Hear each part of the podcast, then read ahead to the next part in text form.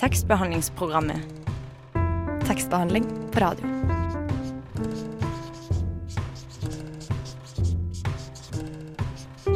Tekstbehandlingsprogrammet.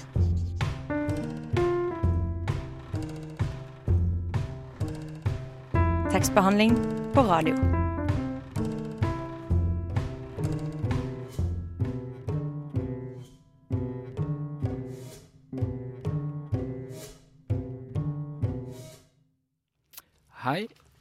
Velkommen til tekstbehandlingsprogrammet, eh, Radio Nova sitt eh, litteraturprogram. Eh, I dag skal vi ta for oss barnebøker, og vi skal hilse på to karer som sammen nylig har gitt ut ikke bare én, men to bøker om en nysgjerrig liten kar ved navn Edvard Rubicon. Og vi skal høre ja, hvordan han kom til verden. Men først tenkte jeg å introdusere kveldens medprogramleder, Anna. Hei, hei. Hei. Eh, Anna, hva, hva likte du å lese når du var liten? Hmm. Jeg likte å lese Harry Potter. Det husker jeg veldig godt. Eh, å bli tatt med inn i det universet der, det syns jeg var veldig spesielt. Har et veldig nært forhold til eh, både filmene og bøkene. Mm. Harry Potter, hva er det som er så gøy med de bøkene? Så detaljerte skildringer, så mange karakterer. Det er et helt univers du blir eh, tatt med inn i. Det har jeg ikke opplevd så mange andre steder. Ja, det høres jo interessant ut. Jeg har, ikke, Mm. jeg har egentlig ikke lest Harry Potter-bøkene sjøl, men jeg har sett noen av filmene. Jeg Du har ikke de- det? Jeg har ikke det. Jeg må innrømme det. Jeg er ikke Nei, De har bare ikke Det er ikke for sent, vet du. Nei, det ikke, nei, det er sant, det. Det er ikke for seint. Men eh, ja, Harry Potter. Jeg skal se. Kanskje prøve å se om jeg kan eh, Ja. lese en eller to. Altså, hvor mange bøker er det de har gitt ut? Hvor mange bøker det er? Det er syv. Syv bøker. Mm. Hva er den beste?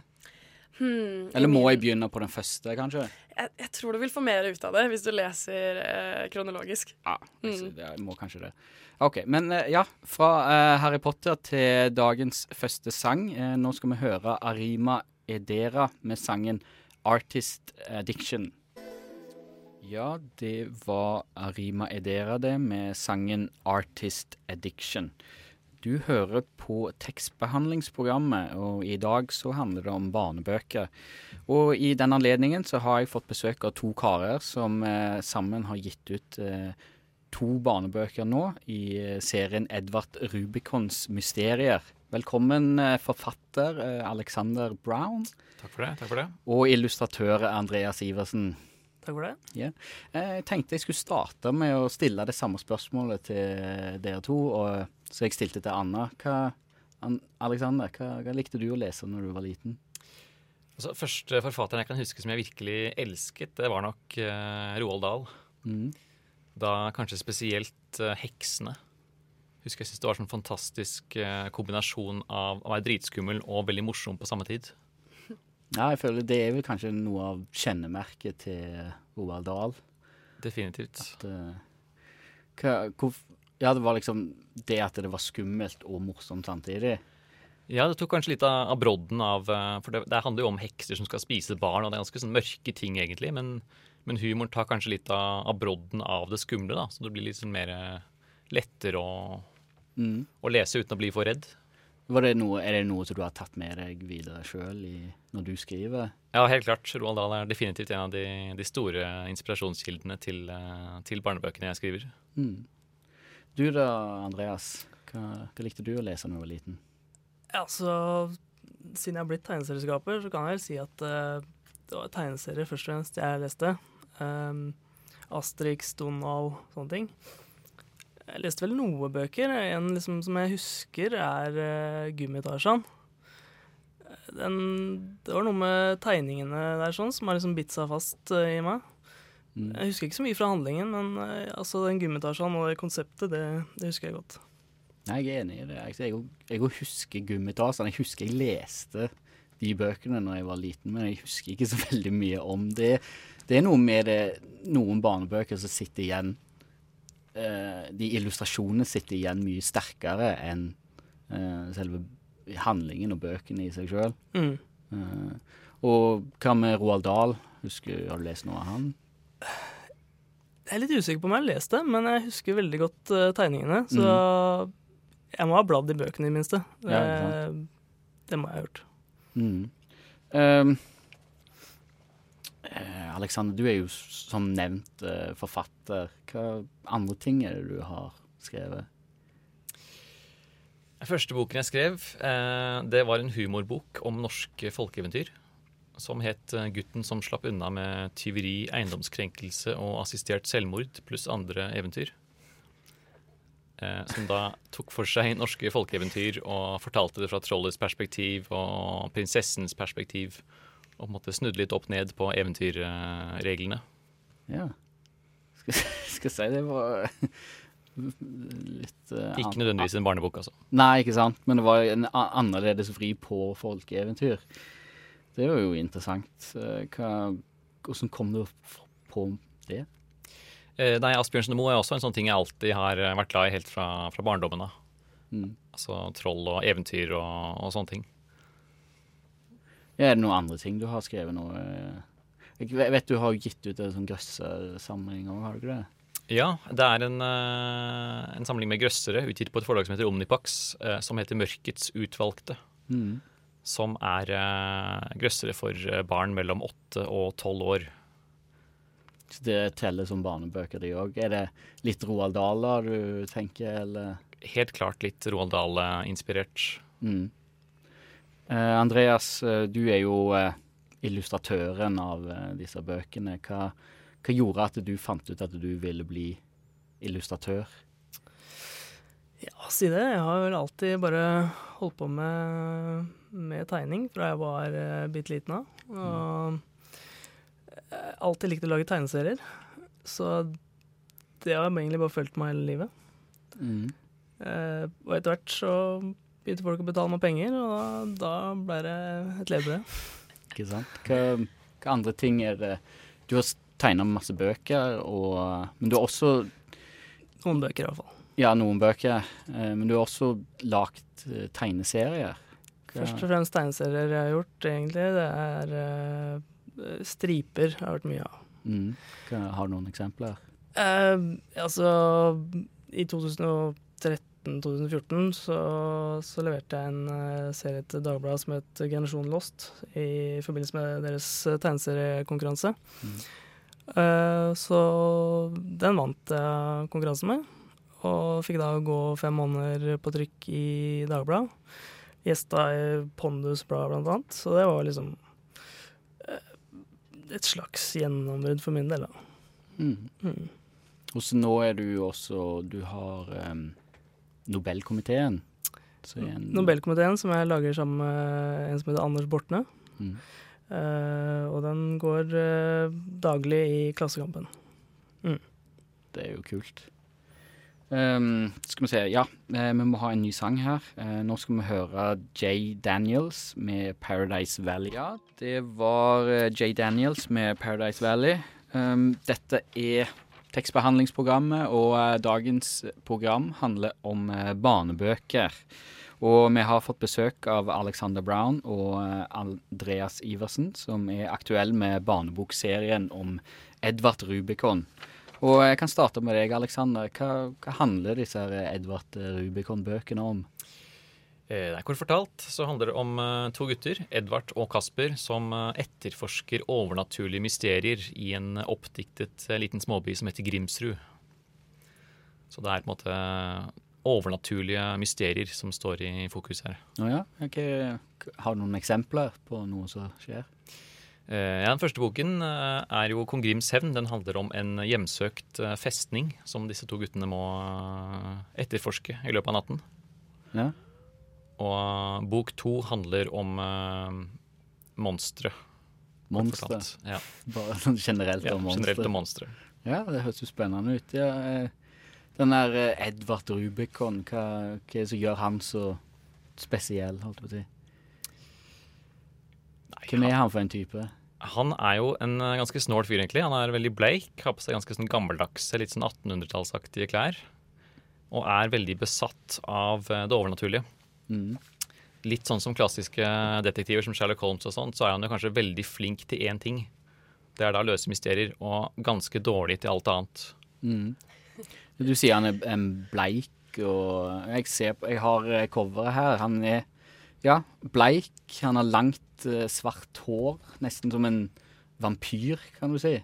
Han ser litt ut som en vampyr. Ja. eh, Eller litt som en slags eh, barneversjon av en Johnny Depp-figur i en Tim Burton-film, eh, kanskje. Ja, ikke sant? Ja, ja, ja. Tim Burton, ja. Eh, Andreas, eh, det er du som har tegna Edvard Rubicon. Hvordan Ja. kom du fram til hvordan han skulle se ut? Ehm, altså, det var et, faktisk et um, uh, En slags myldrekveld vi hadde, med flere stykker, som, som alle lagde en, eh, et utkast på hvordan han skulle se ut. Uh, så min første versjon av han var en blond uh, gutt med piggsveis. Så vi slo sammen rett og slett de forskjellige karakterskistene og til slutt så dukka da Edvard, sånn han ser ut nå, opp. Mm.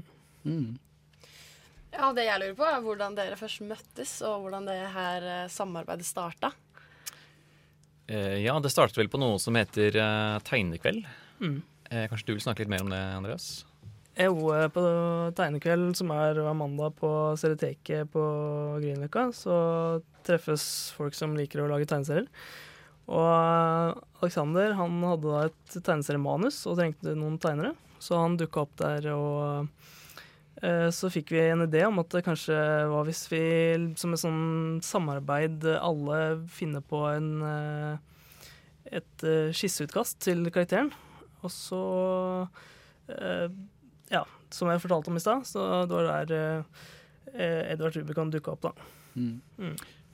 Hadde du noen sånn ge- eh, generell idé om hvordan Edvard skulle se ut, eller gir du den ehm, oppgaven til Andreas? Jeg hadde vel litt sånn vage ideer. I hvert fall at han skal ha litt sånne gammeldagse gammeldags klær og, og være bleik og sånne ting. Men eh, eh, nei, det var først og fremst Andreas uh, som, som måtte formet hvordan han skulle se ut, uh, Mm. tror jeg. Når du så Edvard Rubicon for første gang, tenkte du 'der er han', eller tenkte du eh, OK. Det er vanskelig å svare på, for Edvard gikk gjennom ganske mange transformasjoner, egentlig. Som sagt så var han jo blond først. Og etter hvert så har nesen hans blitt litt større og spissere og litt forskjellige ting. Mm. Så karakterene har egentlig forandret seg ganske kontinuerlig. Det begynte jo først som uh, korte tegneseriehistorier på fem til ti sider. Som gikk i et tegneserieblad som het, uh, het Bobla. Ja, OK. Så det starta som en tegneserie, Mm. og så gikk dere over til å skrive det som en bok? Ja, stemmer. Mm. Ja. Vi skal ha en um, ny sang. Dette er um, Doldrums med Runner Up. Ja, det var Doldrums, det, med Runner Up. Du hører for, fortsatt på tekstbehandlingsprogrammet, hvor vi i dag har besøk av Alexander Brown og Andreas Iversen. De har gitt ut en eh, barnebokserie som heter Edvard Rubicons mysterier. Uh, jeg kan jo starte med deg, Andreas. Hvor, hvor kom eh, inspirasjonen til Edvard Rubicon opp? Altså, det er først og fremst eh, Alexander sin idé, selve konseptet, da. Mm. Eh, men eh, hvordan bøkene kom til, tenker du på? Eller? Ja, eller hvem, hvem Jeg kan spørre deg, da, Alexander. Hva hva er inspirasjonen for Edvard Rubicon? Eh, ja, det er mye forskjellig. Det er nok eh, ting jeg har lest og sett opp gjennom årene. Eh, jeg er jo et barn av 80-tallet, så veldig mange 80-tallsinspirasjoner. Tenker da som Ghostbusters og Goonies og, og den type ting. Mm. Og, og senere også X-Files og, og Tim Burton-filmer. Um, men også Roald Dahl, som jeg nevnte. Og ja, Tommy og tigeren, Hellboy. Uh, ja, Detektivbyrå nummer to, Gutta i trehuset, den type, den type ting. Mm. Men eh, disse her eh, bøkene er jo utforma på en ganske spesiell måte, eh, tenker jeg. Det er jo veldig mye illustrasjoner, og deler av boka er jo rene tegneserier. Mm. Andreas, hvordan kom dere opp med den måten å lage bok på? Uh, nei, vi tenkte vel først og fremst en bok som uh, er kanskje innbydende for en ni år gammel gutt som ikke liker å lese bøker. Kanskje litt meg sjæl som niåring, eh, hva jeg ville lest. Eh, så altså rett og slett bare gjøre den mest mulig innbydende. Mm. Med mye illustrasjoner og eh, ikke for lange passasjer uten illustrasjoner, da. Mm. Mm. Målet vårt er på en måte å lure barn som ikke leser så mye, til å lese bøker. Dette er rein lureri, altså. Ren lureri. Ja, okay. altså det, men tenker dere at dette er den nye måten å nå fram til barn og unge på? Med tanke på bøker? Ja, altså Det er jo eh, helt klart en trend med jeg si, lettlestbøker med mange bilder og kanskje litt tegneserieinnslag og sånne ting. Mm. Så eh, ja, det er kanskje en, en god metode å nå å si, lesere som er mer vant til sånn visuelle ting, sånn iPader og, og skjermer. Mm. Men eh, sånn generelt, hvis du ser bort ifra eh, måten denne boka er lagd på, hva, hva tror du skal til for å lage eller skrive en god barnebok? Hva trenger en god barnebok? Andreas, vil du ta denne? Ja, om vi bare hadde visst det. Eh, nei, altså må jo i hvert fall appellere til barna. Eh, Mm. på et eller annet vis. Jeg tror dere har gjort mye rett i det at den skal være både skummel og morsom. Eh, sånn som de Roald Dahl-bøkene du eh, snakket om, Aleksander. Alexander. Og jeg tenker jo at eh, barn i dag med iPader og greier er jo vant til å eh, ha mye som skjer hele tiden. da. Det sitter ikke så mye stille. Eh, eller jo, det gjør det jo med iPaden, men eh, det er jo alltid noe som skjer. De kjeder seg ikke så mye. Eh, og da med at det skjer mye, da. Med både skremmende hendelser og gjøre det på en litt morsom måte. Det føles ut som en riktig måte å gå fram på. Mm, Mm. absolutt. Men tror du eh, Anna, du nevnte jo det med iPad og YouTube-generasjonen. Tror du vanlige barnebøker kanskje holder på å dø ut? Det ser vel ikke sånn ut. Nei. Det kommer jo mer enn noen gang. Så det er jo et hav av barnebøker som kommer ut hvert år. Mm. Men uh, dere nevnte jo i, uh, under musikkinnslaget at eh, ikke bare det med tegneserie denne boka er utformet på, den er også inspirert av en annen ganske ny underholdningsmetode, holdt jeg på å si. Dere nevnte dataspill. Hva, hva, hvordan, det, hvordan minner denne boka her deg om eh, dataspill? Ja, for Noe av tanken var, eh, var at vi skulle prøve å nå ut til folk som, eller barn som kanskje ikke leser så mye bøker. Og um, da er det jo mange som spiller dataspill i den alderen. Så når vi skrev boken, så tenkte vi litt på å legge opp historien som et slags dataspill. da. At det måtte være forskjellige nivåer karakterene må gjennom. Og at de da møter på forskjellige fiender av økende vanskelighetsgrad. Og at de plukker opp forskjellige gjenstander underveis som de får bruk for uh, underveis i boken. Da, litt som i et, et dataspill. Mm. Men ja, tilbake til det. eh, Dere, det er jo mye samarbeid eh, mellom dere to. Hvordan, hvordan er det det fungerer, det samarbeidet? Er det, det mye kompromisser, mye krangling, når dere kommer fram til um, hvordan dere vil at boka skal se ut? Ja, for det, I startfasen så er jo begge vi to med og, og hamrer ut eh, på en måte hva det her skal bli. da. Eh, Så det blir en slags brainstorming mellom oss, og da kan det være litt uh, uenigheter. Men uh, vi er jo som regel på ganske på bølgelengde.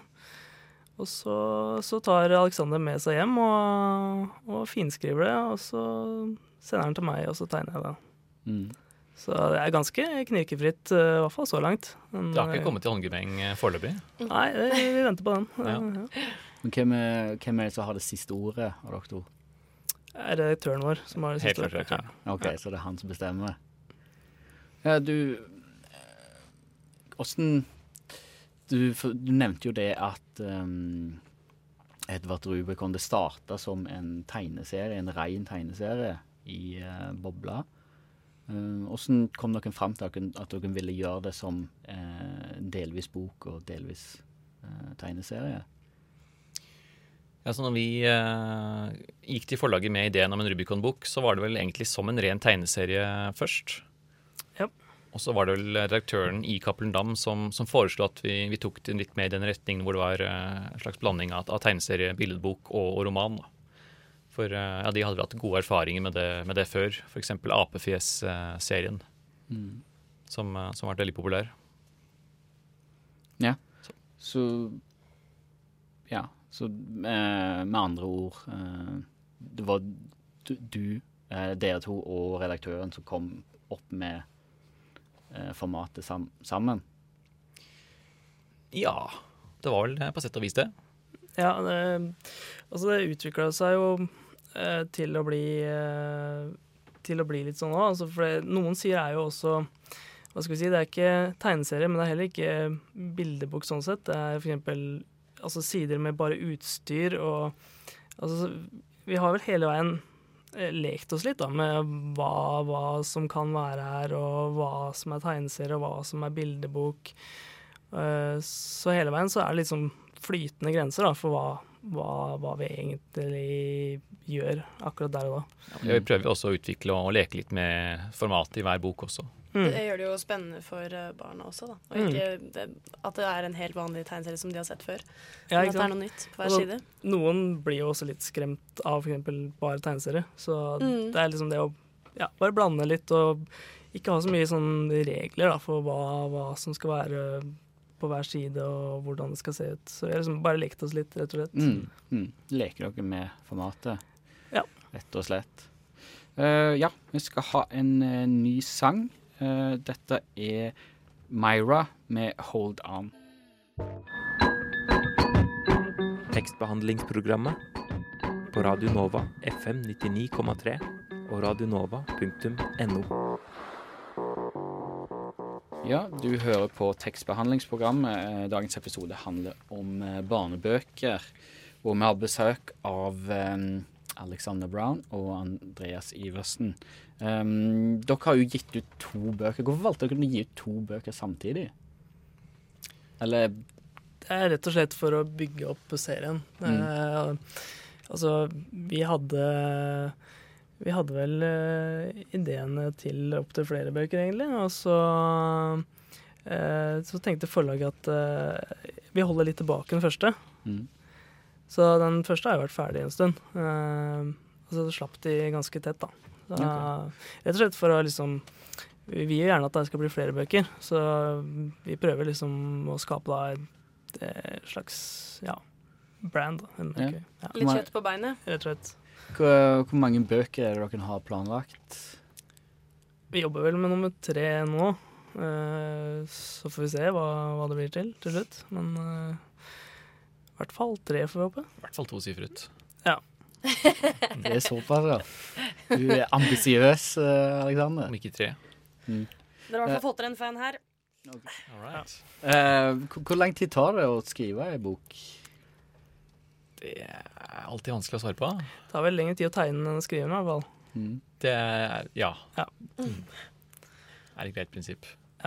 Nei, det tar, det tar litt tid å tegne, altså. Det det. Ja, jeg sitter jo her med um, ei bok nå, og jeg ser jo at det er noen av disse illustrasjonene som dekker seg over to hele sider. Og eh, det er jo ganske detaljerte tegninger, noen av disse. Hvor lang tid bruker du på ei sånn svær eia? Ja? Nei, det er eh, de, de store Altså egentlig alle helsidene illustrasjoner går som regel en dag med på, altså. Det, på, og nesten to på, fra skisse til, eh, til ferdig fargelagt. Hmm. Så det er litt jobb. Det gjør det. Ja, Men det um, ehm, Alexander, ah, nå tipper jeg at uh, lytterne våre er litt nysgjerrige på å kanskje høre litt fra boka. Har du lyst til å lese litt for oss? Ja, jeg kan jo lese litt fra den første boken, kanskje. Mm. Da vil jeg bare forklare kort hva som har skjedd så langt, for det er litt ute i boken. Eh, det som har skjedd, er da at faren til Edvard jobber på Grimsrud festning, og de fant en sånn skjult gravkrypt. Når de prøvde å åpne den graven, så begynte hele festningen å riste, og de måtte stenge festningen. Men Edvard mistenker at det er noe mystisk som foregår her, så han og Kasper sniker seg inn i festningen den natten for å undersøke hva som foregår. Spennende. Han har også med seg noe som heter en åndesluker, som er en slags eh, ja, Støvsuger støvsuger for spøkelser, kan man vel si. fra 1800-tallet, typ. Og så må du bare se for dere at det er masse fine tegninger her. Ja, ikke sant? Det er litt synd at vi ikke får eh, Vi skulle nesten hatt Andreas til å beskrive hva vi så på bildene, men det blir vel kanskje litt rart. Jeg tror det er bedre uten. Ja. Kan tenkes. Mm. Vær så god. Kapittel 6. Skrømlerne. Noen rare vesener flyr hit og dit i festsalen. De ser nesten ut som små skyer med lysende øyne. Vesenene plukker opp ting og kaster dem rundt mens de ler og hoier. Vi rekker akkurat å hive oss ned idet et bord suser like over hodet på oss. Prøv å avlede dem, så sniker jeg meg innpå dem bakfra, hvisker jeg til Kasper. Kan jeg vennligst få se billettene deres? sier Kasper. Vesenene stanser brått og skakker på hodet. Billett? spør de i kor. Uten gyldig billett må jeg be dere om å forlate festningen, sier Kasper. De små vesenene kikker forvirret på hverandre. Dette var billett! roper et av vesenene og kaster en vase rett mot Kasper. Knus! Kasper dukker, og vasen smeller i veggen. Små biter av vasen regner ned over hele rommet. Vesenene ler så de rister. Jeg lister meg mot dem, stille som en ninjakatt. Floff! Et av vesenene forsvinner ned i slukeren. Det høres ut som når man støvsuger opp en stor støvball. De andre vesenene hyler, og før jeg vet ordet av det, piler de av gårde til alle kanter og forsvinner inn i vegger, gulv og tak. Hva var det for noen skapninger? spør Kasper, mens han børster restene av vasen ut av håret. Aner ikke, sier jeg, men kanskje det står noe om dem i Dr. Furrows monsterbok. God idé, sier Kasper, og trekker den slitte boken forsiktig opp av sekken. Boken er veldig, veldig gammel. Det er så vidt den henger sammen. I boken står det om hver eneste demon, vette, skrømt og ånd man kjenner til. Den har reddet oss ut av knipe mange ganger. Etter å ha bladd litt i boken, utbryter Kasper. Her er det et bilde av dem! Jeg lener meg inn for å se. Så er det da en side fra Dr. Furrows monsterbok. Overskriften er Skrømlere, eller på latin Skrumlus chaoticus. Skrømlere er rampete små ånder som elsker å gjøre ugagn og skape kaos. Det er et mektig spøkelse som har manet dem frem. Skrømlerne må gjøre det spøkelset ber dem om. Hvordan bli kvitt skrømlere? Ved å fjerne spøkelset som manet dem frem. Hm, så det er altså et enda verre spøkelse som kontrollerer skrømlerne, sier jeg. Men hvem? spør Kasper med skjelvende stemme. Jeg vet ikke, men jeg har en følelse av at det har noe med den skjulte graven i krypten å gjøre. Jøss. Det var koselig og litt skummelt eh, Ja, men det er bra. Koselig og skummelt var det vi gikk for. Ja, ikke sant? Det er jo perfekt uh, sengelektyre. Det er kosegrøss, rett og slett. Kosegrøss. Kosegrøss, ja. Det er, er det en ny sjanger det som du har funnet på? Ja, kanskje det. Men uh, hva var hva, Du sa at det Hva er det het den boka som var inni boka, på en måte? Eh, Dr. Furrows eh, monsterbok. Hva det er for noe? Den het opprinnelig Dr. Furrowbros monsteralmanakk, men eh, redaktøren mente det var for vanskelig for, eh, for unge lesere. Det er altså en bok som inneholder informasjon om eh, forskjellige typer monstre, og hvordan man bekjemper dem. Ja. Så det er en sånn bok som de alltid har med seg ut på, på oppdrag. Det er vel litt sånn den derre Hva er det for noe? Hakke... Hakkespettbok. Hakkespettboka Ja, til nettopp. eh, Ole Doleloven. Mm. Det er liksom Selvfølgelig står jo alt som de møter på, står jo i den boka. Så Hakkespettboken med monstre. ja, rett og slett. Mm. Ja, er det planer om en spin-off?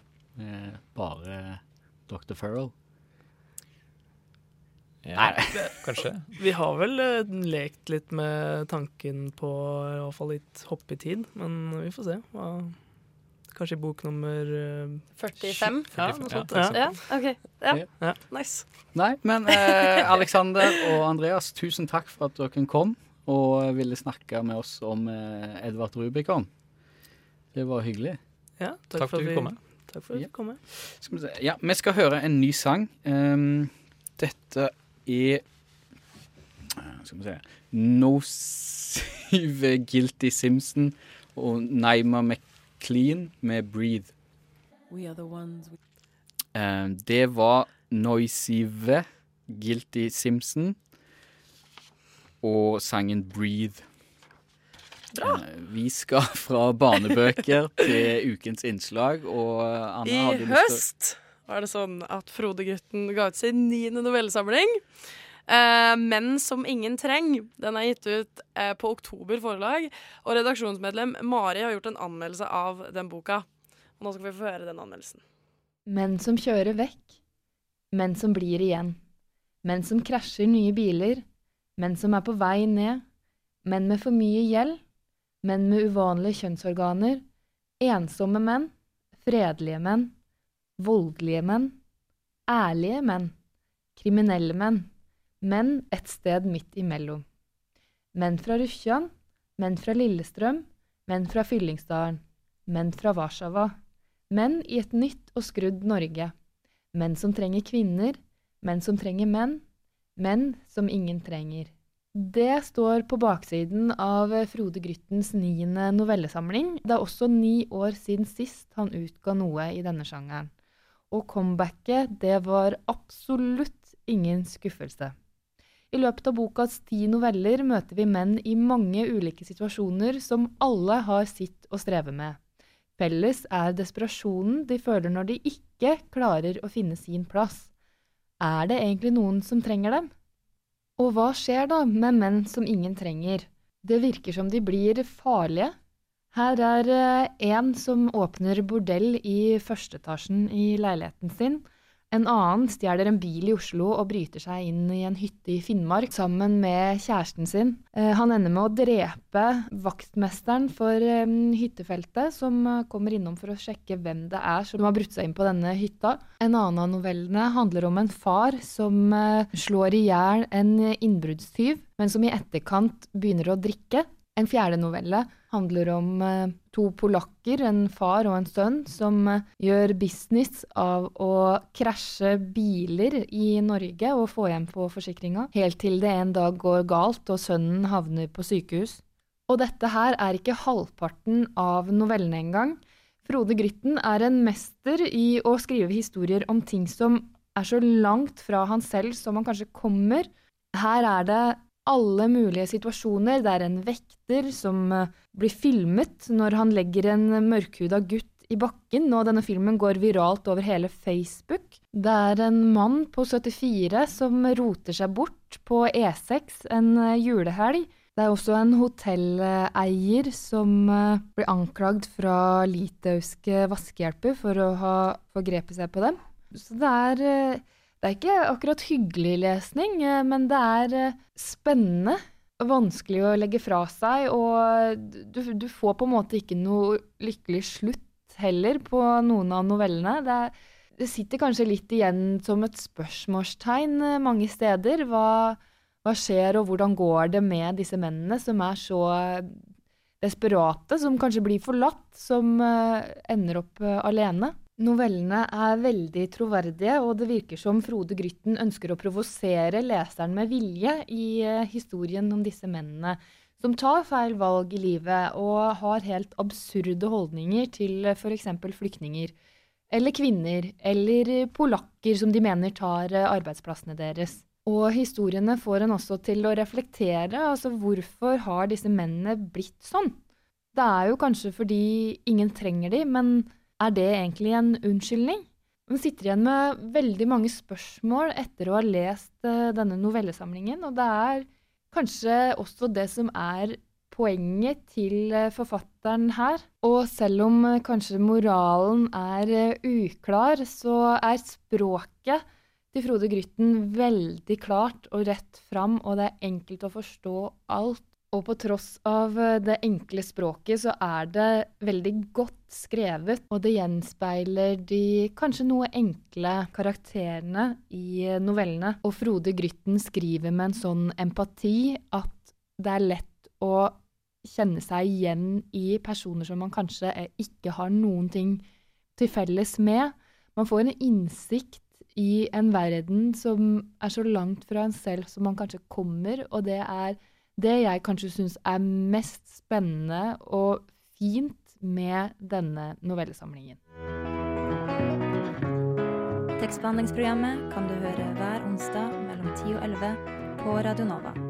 FM 99,3.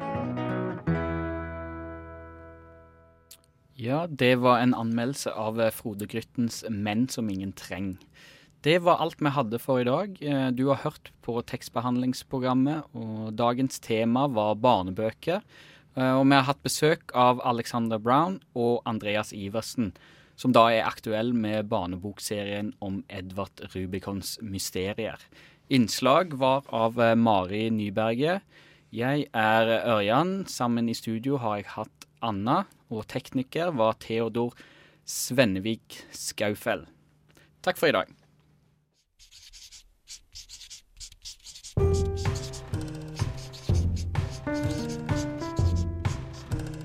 Tekstbehandlingsprogrammet. Tekstbehandling på radio.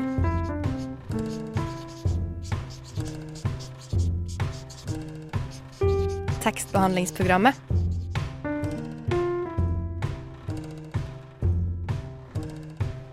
Tekstbehandling på radio.